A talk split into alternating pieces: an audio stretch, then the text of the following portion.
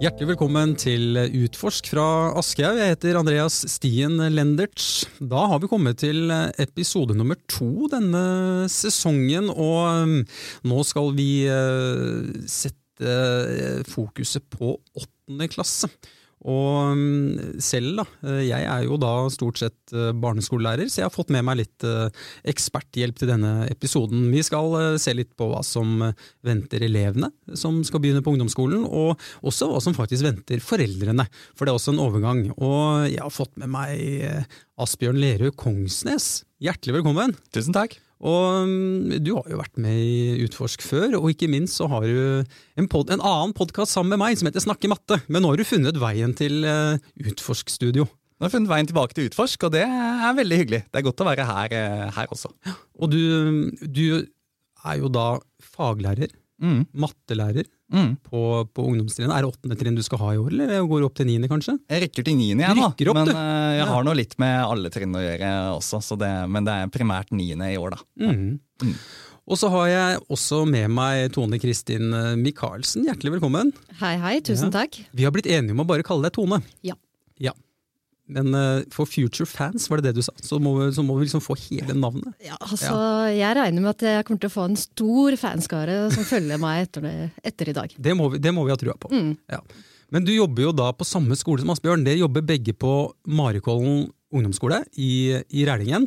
Og du, har nå, eh, du skal ta fatt på åttende trinn igjen etter å ha gått ut med en tiendeklasse nå forrige skoleår. Ja, Asbjørn rykker opp, og jeg rykker ned. Ja, sånn er det Ja. noen ganger. Eller tilbake til start, da. Ja. Nå har jeg hatt eh, samme klasse i tre år, men eh, de er ferdig på ungdomsskolen, så da må jeg starte med åttende igjen. Mm. Og det er jo, dette er jo litt av grunnen da, til at du er uh, henta inn eh, her i dag. For dette, vi må jo Vi skal jo se litt sånn på hva som venter eh, elevene, og hva som også venter eh, foreldrene. Og kanskje må vi, hvis det er noen foreldre der ute, liksom um, kanskje roe nervene hos enkelte litt. Og jeg skal jo si det sånn at eh, jeg har jo da en sønn som skal begynne i åttende klasse. På, på Høyenhold skole. Mm. Så jeg, og jeg har aldri hatt eh, barn før på ungdomsskolen. Uh, og Riktignok er jeg lærer, men jeg kjenner at dette her er litt sånn ukjent terreng for meg. Det kommer liksom karakterer, og det, er, det, det blir eh, Jeg bare føler at et eller annet blir annerledes. Så vi må, vi må finne ut hva det er, og om du kanskje kan roe litt nærmere mine òg, da. I løpet av denne Ja, Det pleier stort sett å gå kjempefint. Altså. De er veldig spente i starten, og så går det noen uker og måneder, og så er egentlig alt i en slags normaltilstand etter det. mm, ja. Um, hva, hva er det du uh, opplever at uh, man liksom lurer på som elev, eller hva er det man på en måte er spent på før, uh, før ungdomsskolen setter i gang? Elevene er veldig spente når de kommer. Ja. Man kan se det på utsiden, at de, de står nærmest og dirrer. Men det de er aller mest spent på, det er jo karakterer. Mm. Det er anmerkninger. Ja. Og det er hvilke elever er det de skal gå i klasse med. Mm. Får de vite det første skoledag hos dere, eller har de fått vite det før sommerferien? Det er vel første skoledag de får vite det hos oss. Mm. Da samles hele skolen eh, i starten, og så får åttende, nei, unnskyld, niende og tiende klasse de får beskjed om å følge sin lærer og gå til eh, sin klasse. Og så blir eh, de nye åttendeklassingene igjen, og så blir de ropt opp. Mm. Og da finner du ut hvem de er i klasse med. Ja. Det er, oi, oi, oi, det er jo veldig spennende for dem. da. Jeg skjønner at det, der er der, det, ja, det, Det, er stor, det er stor spenning, og så er det selvfølgelig noen elever som man har hatt litt kontakt med i forkant, eh, som har uh, ulike utfordringer eh, eller er ekstra spente av en eller annen grunn. da. Og de har kanskje noe informasjon, selv om de heller ikke vet hele eh, klasselista, og sånn, men de vet f.eks. hvem de skal ha som kontaktlærer. Så vi passer på å få til noen møter mellom eh, foresatte, eh, ungdommen eh, og kontaktlæreren før skolestart, for kanskje et par elever i hver klasse, da, eh, hvor man vet at det er noen eh, ekstra behov og tilrettelegging som bør gjøres. mm. Og på Marikollen så er det vel sånn at eh, det er, det er en åtte til ti-skole, er det ikke det? Mm. Og da kommer de da fra forskjellige skoler, og de, har, de vet kanskje ikke i det hele tatt hvem hverandre er? I motsetning til Høynald hvor jeg jobber, da, som er en 1-10-skole. Eh, De kommer fra tre eh, barneskoler til oss, eller tre og en halv, på en måte. Primært tre barneskoler, og så er det noen som kommer fra en fjerde. Mm. som, eh, noen få som sogner til oss, og noen som søker seg over mm. til vår eh, skole. da. Men så det, det gjør jo at fra hvert, kanskje på den minste barneskolen de kommer fra, så er de ett eh, Altså én klasse per trinn. Så de er alt fra 12 til 20 elever som kommer derfra. Og så kommer de til oss, og så er det 160 elever på samme trinn. Mm. Eh, og det er jo en veldig stor overgang for mange av de elevene spesielt. da. Mm. Når de kommer da fra forskjellige skoler, Tone, opplever du at Eh, kan det være litt sånn forskjeller på hvor klare og rusta de er for ungdomsskolen? Fordi de, Da har de jo litt forskjellig utgangspunkt, og hatt ulike lærere og liksom gjort ting på forskjellige måter? Uh, ja, det kan være ganske forskjellig hva de kan, uh, særlig av digitale ferdigheter. Mm. Jeg opplever at noen elever de vet nærmest ikke hvordan man uh, lagrer en Word-fil. Mm. Uh, og da blir det veldig kjedelig for de andre, da, når vi eh, skal lære hvordan man lagrer uh, i skya. Mm. Mens andre de trenger denne informasjonen, så mister de arbeidet sitt. Mm. Og også faglig så ser vi jo at det er store forskjeller. Det tenker jeg kanskje du merker aller mest, Asbjørn, som er mattelærer. Ja, det er, det er, store forskjeller, og det er både forskjeller mellom skolene, tidvis på noen kull ganske store, men det er selvfølgelig enda større forskjell også innad på skolene. Altså det, er, det er stort sprik i hva elevene mestrer og, eh, og, hva de forstår, og det er jo en utfordring når vi skal eh, jobbe med tilpasset opplæring og legge til rette for best mulig skolegang eh, i en klasse. da. Um, og Spesielt hvis det er store klasser, uh, så er det utfordrende å klare å tilrettelegge for, uh, for alle elevene. Uh, og det merker vi vel en tendens til at vi har opplevd de siste årene at klassestørrelsene har blitt større. da.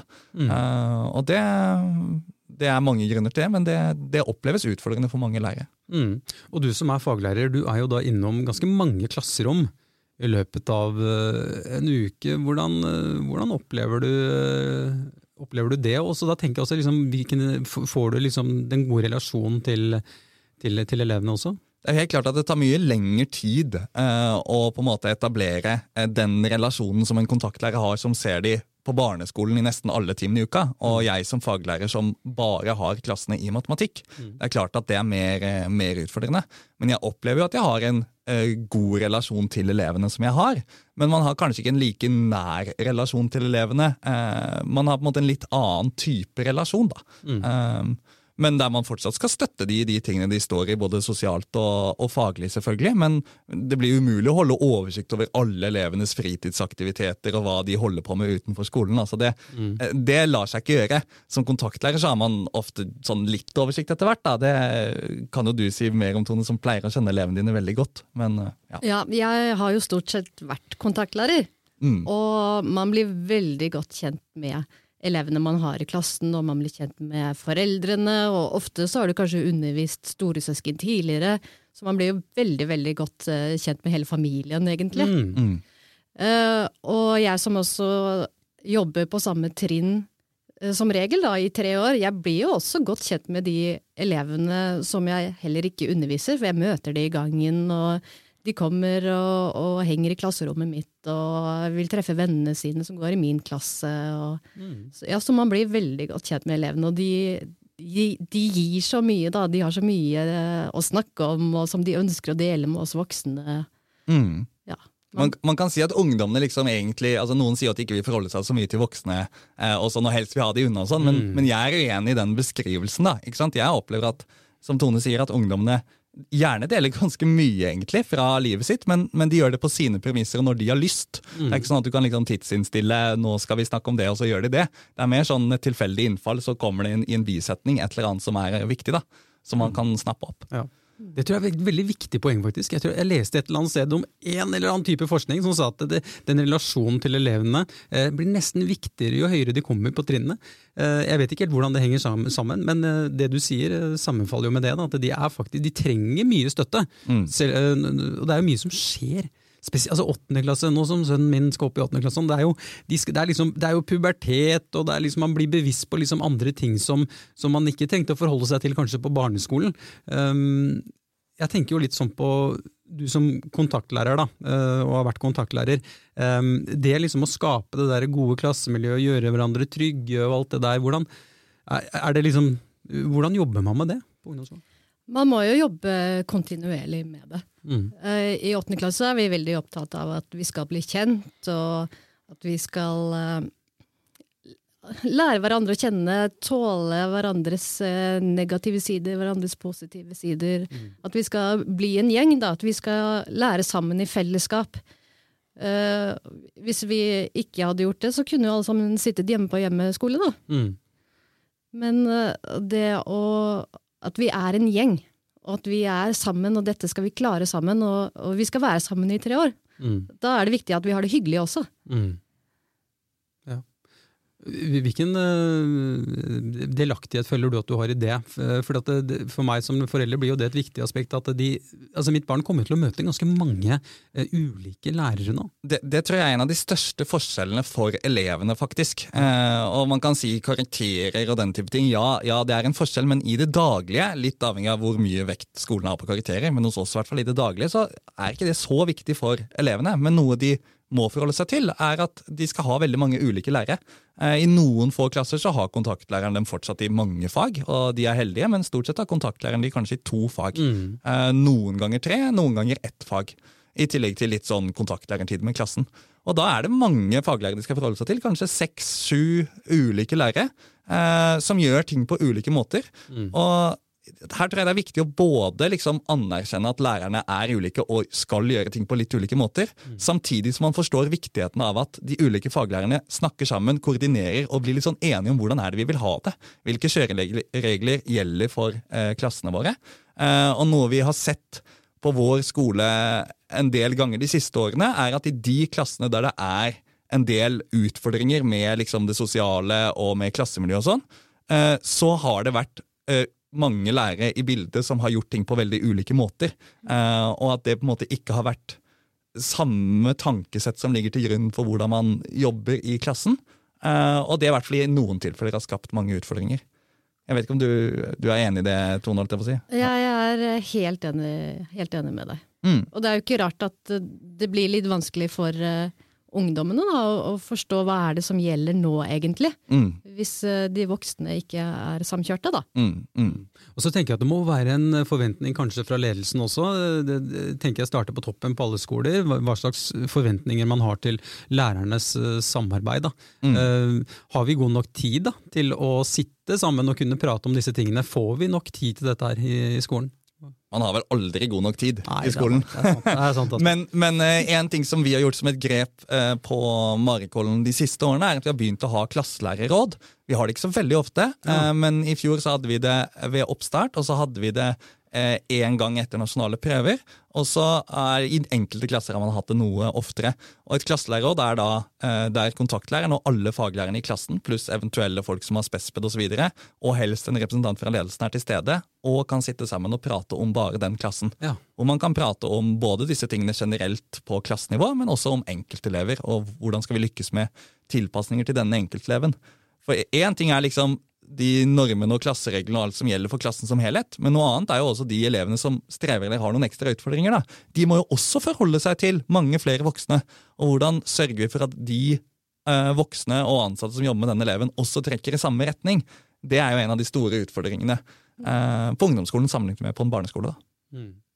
Det kan vel kanskje aldri bli helt eh, på en måte perfekt eh, heller, eh, akkurat det der. Men eh, eh, i et sånn klasselærerråd burde egentlig faglæreren også vært med, kanskje?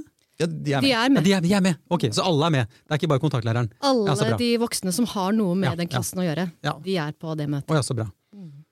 Veldig fin uh, greie. Det kan hende at det er vanlig på mange skoler, men jeg har ikke hørt, uh, hørt det nødvendigvis så, så ofte, at eh, man gjør det sånn. Kan håpe at det er det. Jeg, jeg vet ikke hvor vanlig det er. Vi starta med det for et par år siden. og Personlig mener jeg i hvert fall at det har vært eh, positivt, selv om man kanskje skulle ønske at man hadde det enda oftere. Nå har vi jo hatt en elevdel her. Jeg tenkte liksom å øh, på en måte avslutte elevdelen med, med et punkt som jeg tror er ganske viktig. og det er liksom å, Hvordan skal vi øh, unngå at elevene blir for stressa? Eh, For det, det kan jo se ut til at vi har en generasjon som er eh, eh, mer stressa enn noen gang av de kravene de enten legger på seg selv eller andre. eller I hvert fall leser man jo mye om det, og man eh, møter jo mange ulike elever som setter ord på hvordan de har det. eh, og Spesielt dette med stress og krav og forventninger. Hvordan, hvordan kan vi hjelpe elevene med med dette, Tone? Um, det jeg tenker er at vi må ufarliggjøre det å ta feil og gjøre feil, både, både faglig og sosialt. Eh, For mange blir jo stressa av, av det sosiale også. Mm. Men det er, det er lov å, å gjøre feil, og da må man si unnskyld. Og hvis noen har sagt unnskyld, så må du også godta at de gjorde en feil, og nå må vi komme oss videre. Eh, mens det faglige, da pleier jeg i hvert fall å si til elevene mine at uh, ja, men alle gjør jo feil hele tiden. Uh, det er slik vi lærer. Hvis, eh, hvis dere kunne alt sammen fra før av, så da er det jo ikke noe vits at jeg er her. Da trenger jo ikke vi å sitte her hvis, eh, hvis dere har alle svarene. Mm. Så vi må, vi må prøve å feile, eh, slik som de som skal bli gode i fotball. Mm. De prøver og prøver og gjør feil og prøver på nytt igjen, og de øver dag ut og dag inn, og til slutt så kanskje de får det til. Mm. Og slik er det jo med, med skole og, og fagene også. Mm. Så får vi jo liksom håpe at de eh, tar det til seg òg, for det er jo så riktig, eh, akkurat det der. Eh, så liksom gjelder jo det å skape det gode, gode klassemiljøet som liksom gir rom for å både feile og alt dette her. Mm. Hva, hva tenker du Asbjørn om uh, vår generasjon her? Altså, jeg er helt enig i det, i det Tone sier. Uh, og så kan vi jo kanskje gjøre dette som en liten overgang til den delen om foresatte. fordi jeg opplever faktisk at en del av det stresset som gjelder ganske mange ungdommene, det kommer også fra de foresatte. Mm. Eh, og så er det ikke alltid at foresatte er bevisst på at det faktisk skjer. Eh, fordi det er ganske mange eh, Når vi prater med foresatte om det, så er de sånn Hæ, ja, men vi legger ikke noe press på ungen vår. Og så opplever ungdommen at en sånn veldig sterk følelse av at man er redd for å skuffe foreldrene. Ja. Eh, og det eh, opplever jeg gjelder for ganske mange av de som er veldig stressa. Mm. Eh, og det å trygge de på det, eh, og da tenker jeg at eh, samarbeidet med de hjemme er utrolig viktig. da, At man bruker tid og tør å prate om også dette. At det, det er liksom ting som det går an å snakke om der hvor man opplever at det er en utfordring, uten at det liksom er å skylde på foreldrene og si at de har gjort noe galt. For det er, ikke det det, det er ikke det det handler om, men det er liksom bevisstgjøring på disse små tingene som kan utgjøre stor forskjell. Mm. Um, så jeg opplever at i hvert fall for en del så kommer mye av presset ubevisst eller bevisst fra uh, foresatte, uh, og at det er en utfordring. Det er veldig interessant. For det er jo en foreldregenerasjon nå som sannsynligvis er mer involvert i barnas skolegang enn noen gang, og de har eh, mange meninger eh, om hvordan skolen bør være. Kanskje man skal liksom vokte seg litt for hvordan man prater om skolen hjemme også, og den holdningen man får, eh, får til skolen. Jeg tror det er utrolig viktig at uh, de hjemme prater positivt om skolen. Mm. Uh, og hvis det skulle være sånn at man er misfornøyd med et eller annet med skolen, det er et eller annet som man uh, ikke får som man ønsker, eller et eller annet, så ta nå det selvfølgelig opp med skolen. Men ikke prat veldig negativt om skolen foran ungdommene. Mm. Fordi det gagner ikke ungdommene på noe vis. Ikke sant? Det kan være sånn deilig å få ut frustrasjon, og sånn, men ta den ut med en venn eller et eller annet da, som foresatt. Eh, ikke sammen med eh, ungdommene. Og rette direkte mot skolen heller, så vi kan løse opp i de utfordringene som er. Og, og jeg opplever veldig ofte at når foresatte er misfornøyd med et eller annet, eh, så går det utrolig lang tid før vi på skolen får vite om det. At terskelen for å ta kontakt med lærerne mener jeg er for høy. Eh, og så er det selvfølgelig for noen er den altfor lav, eh, så det er, jo, det er jo begge deler her. da, Men, men en del liksom tar ikke kontakt med lærerne når de lurer på ting eller opplever at ting er uklart. Eh, ta kontakt, og så kan man finne ut av ting sammen. Mm, og jeg tenker også at eh, det er kjempeviktig at foreldrene og de foresatte er eh, positive til skolen, men de må også være det til læring. Mm. Det er veldig mange foreldre som f.eks. sier sånn at nei, i vår familie så eh, er vi ikke noe gode i matte. Mm. Og da blir det en slags hvilepute for eleven. Da, og tenker nei, nei, vi, vi er ikke gode i min familie, så da, da er det ikke rart jeg ikke får det til. Da er det jo ikke noe vits å jobbe så hardt, da jeg kommer alltid til å klare det uansett. Mm. Eller en som sier at nei, mamma sier at uh, jeg har aldri fått bruk for nynorsk Ja. etter at jeg gikk på Mm. skolen. Og da er det veldig vanskelig å motivere en elev Mm. til å lese nynorsk, lære nynorsk, skrive nynorsk. Når de eh, har en oppfatning av at ja, men dette trenger jeg jo ikke. Mm. Ja, for det tar de jo til seg, De gjør det. eh, elevene. Det er det ingen tvil om. Um, jeg tenker også litt sånn på foreldrene som da skal nå holde oversikten uh, over hva uh, ungdommen gjør på, gjør på skolen. Altså, hvordan kan Tone nå uh, jeg som forelder engasjere meg? For jeg føler liksom at nå, nå vil distansen til det som skjer på skolen blir enda større. Av en eller annen grunn så har jeg den følelsen. At det, det, får jeg vite enda mindre, liksom. Ja, eh, Mitt første råd vil jo være å følge med på barnets ukeplan. Ja. Der kommer det veldig mye informasjon om møter som kommer. Der får du vite hva elevene lærer om på skolen for tiden. Eh, Og jeg har inntrykk av at det er mange foresatte som tenker at nå har barnet mitt startet på ungdomsskolen, da tar jeg et skritt tilbake. Ja. De sier ofte at de hadde full kontroll på barneskolen, men nå vet jeg nesten ikke hva barnet mitt eh, holder på med lenger. Mm. Så de skal jo selvfølgelig ta mer og mer ansvar jo eldre de blir, eh, for det er jo en del av læringen. Eh, Men det er viktig at de foresatte, foresatte følger med allikevel. Mm. Og jeg tenker at det å være nysgjerrig er kanskje det viktigste eh, eller viktigste grunninnstilling du kan ha som foresatt. Eh, Spør barna! Hva, hva har du gjort på skolen i dag? Hva lærte du? Hva jobbet dere med? Eh, hvordan gikk det? Hvem var du sammen med? Altså, jeg trenger ikke å pepre deg med spørsmål som jeg gjorde nå, da, men, men vær liksom nysgjerrig og prøv å få til en dialog. Og få ungdommene selv til å fortelle fra skolen, for det er jo Ja. de som kan fortelle hvordan de opplever det. Og pass på at du, du stiller litt konkrete spørsmål.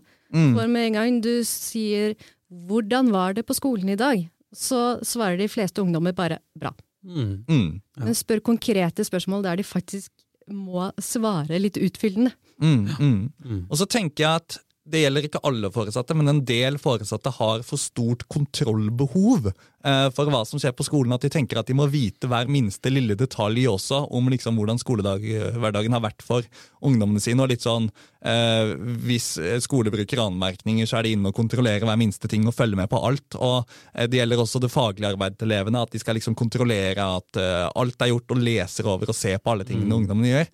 Tenk for noen år siden hvor vi ikke hadde disse digitale mulighetene. Da hadde ikke foresatte mulighet til å følge med på alt dette, og det gikk helt fint. Eh, Så jeg tenker at eh, foresatte også skal passe seg sånn at eh, de ikke blander seg så mye inn i ungdommens liv at de mister alt de har av privatliv og opplever seg på en måte overkontrollert og sett på hele tiden. Mm. For det tror jeg er veldig slitsomt. Og det gjelder jo absolutt ikke alle foresatte, men det gjelder kanskje noen. Høres ut som en uh, balansegang her. Uh, så, som med så mye i livet er, eh, er veien å gå for, uh, for de foresatte. Um, jeg, nå, nå kommer jo karakterer da, for min sønn på, på ungdomsskolen, og jeg er litt sånn nysgjerrig på Marikollen. Hvordan er deres forhold til liksom, En ting er at man har lovfestet karakterer til jul og før sommeren. Eh, Men eh, hvordan løser dere det, Tone, på, på Marikollen? Er det, er det mange prøver og karakterer som settes underveis, eller er det mer sånn eh, litt den VFL-en vi er inne i, vurdering for læring, som gjør seg gjeldende her?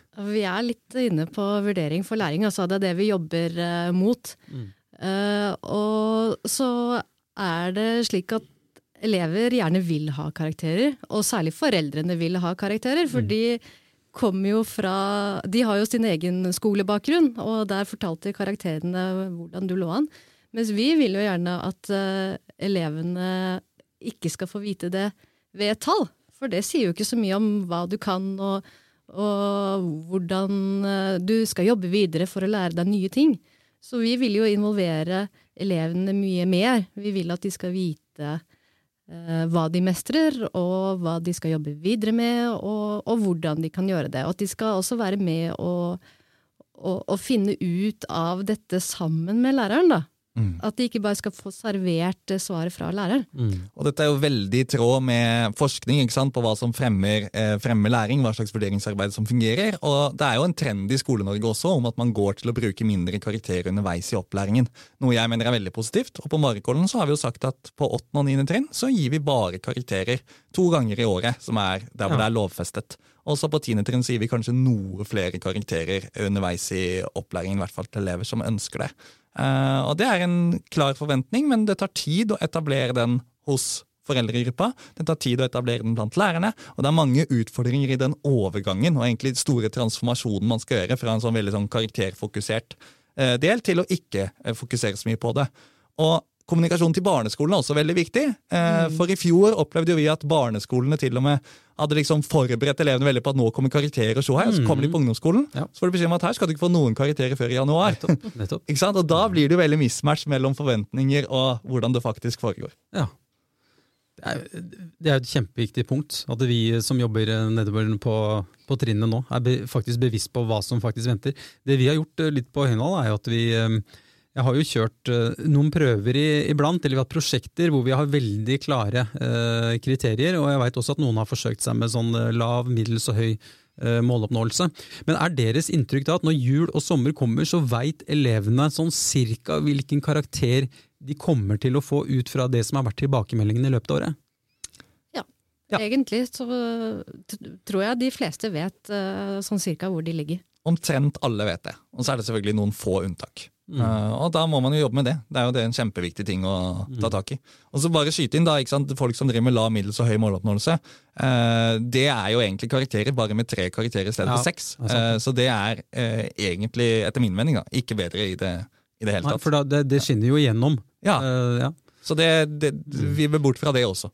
Men, men, hvordan kommuniserer dere da til elevene hvordan de ligger an, sånn at de veit sånn cirka hvor de treffer? Skjønner de da ut fra det de har oppnådd, uten at det står nødvendigvis lav, middels høy måloppnåelse, at de nå lander jeg på en femmer eller sekser?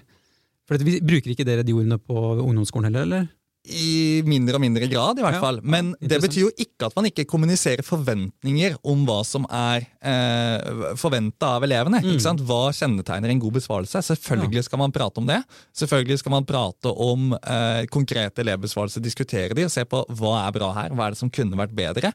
Eh, og så når det nærmer seg liksom karaktersetting i januar og juni, og sånn da, så kan det hende man tar konkrete Eh, besvarelser, enten anonymt eller fra tidligere år. og eh, og drøfte hva slags karakter kunne man sett på her, hva tenker man om denne eleven osv. Den type vurderinger, og gjøre det i fellesskap med klassen. Det tror jeg er veldig veldig lærerikt. Og det mm. har vi opplevd at da får elevene liksom forståelse for å ja, dette, dette, er bedre enn dette for, på grunn av bom, bom, bom, bom, bom. Og så lister de opp, og så driver de med egenvurdering, og så vurderer de sitt eget arbeid. Og det lærer de masse av.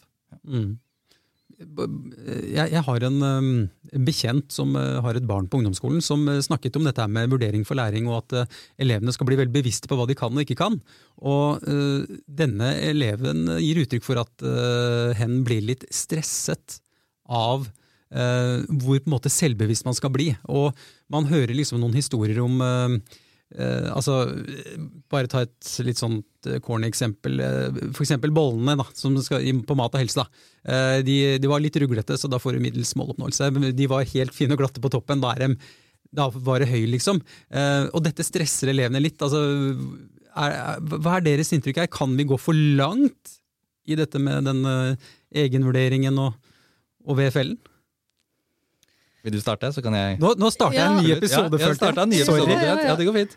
Vi, vi, vil jo selvfølgelig ikke gjøre de stressa. Og jeg er veldig opptatt av at elevene også øh, kan bli vant med tanken om at vet du hva, nå, nå har jeg jobbet godt med det her, og jeg har brukt god tid, og nå nå kan jeg ikke gjøre noe mer. Man kan alltid drive flisespikke og gjøre ting bitte litt bedre, men hvor mye tid skal man bruke på det, egentlig? Mm. Man skal jo leve litt ved siden av.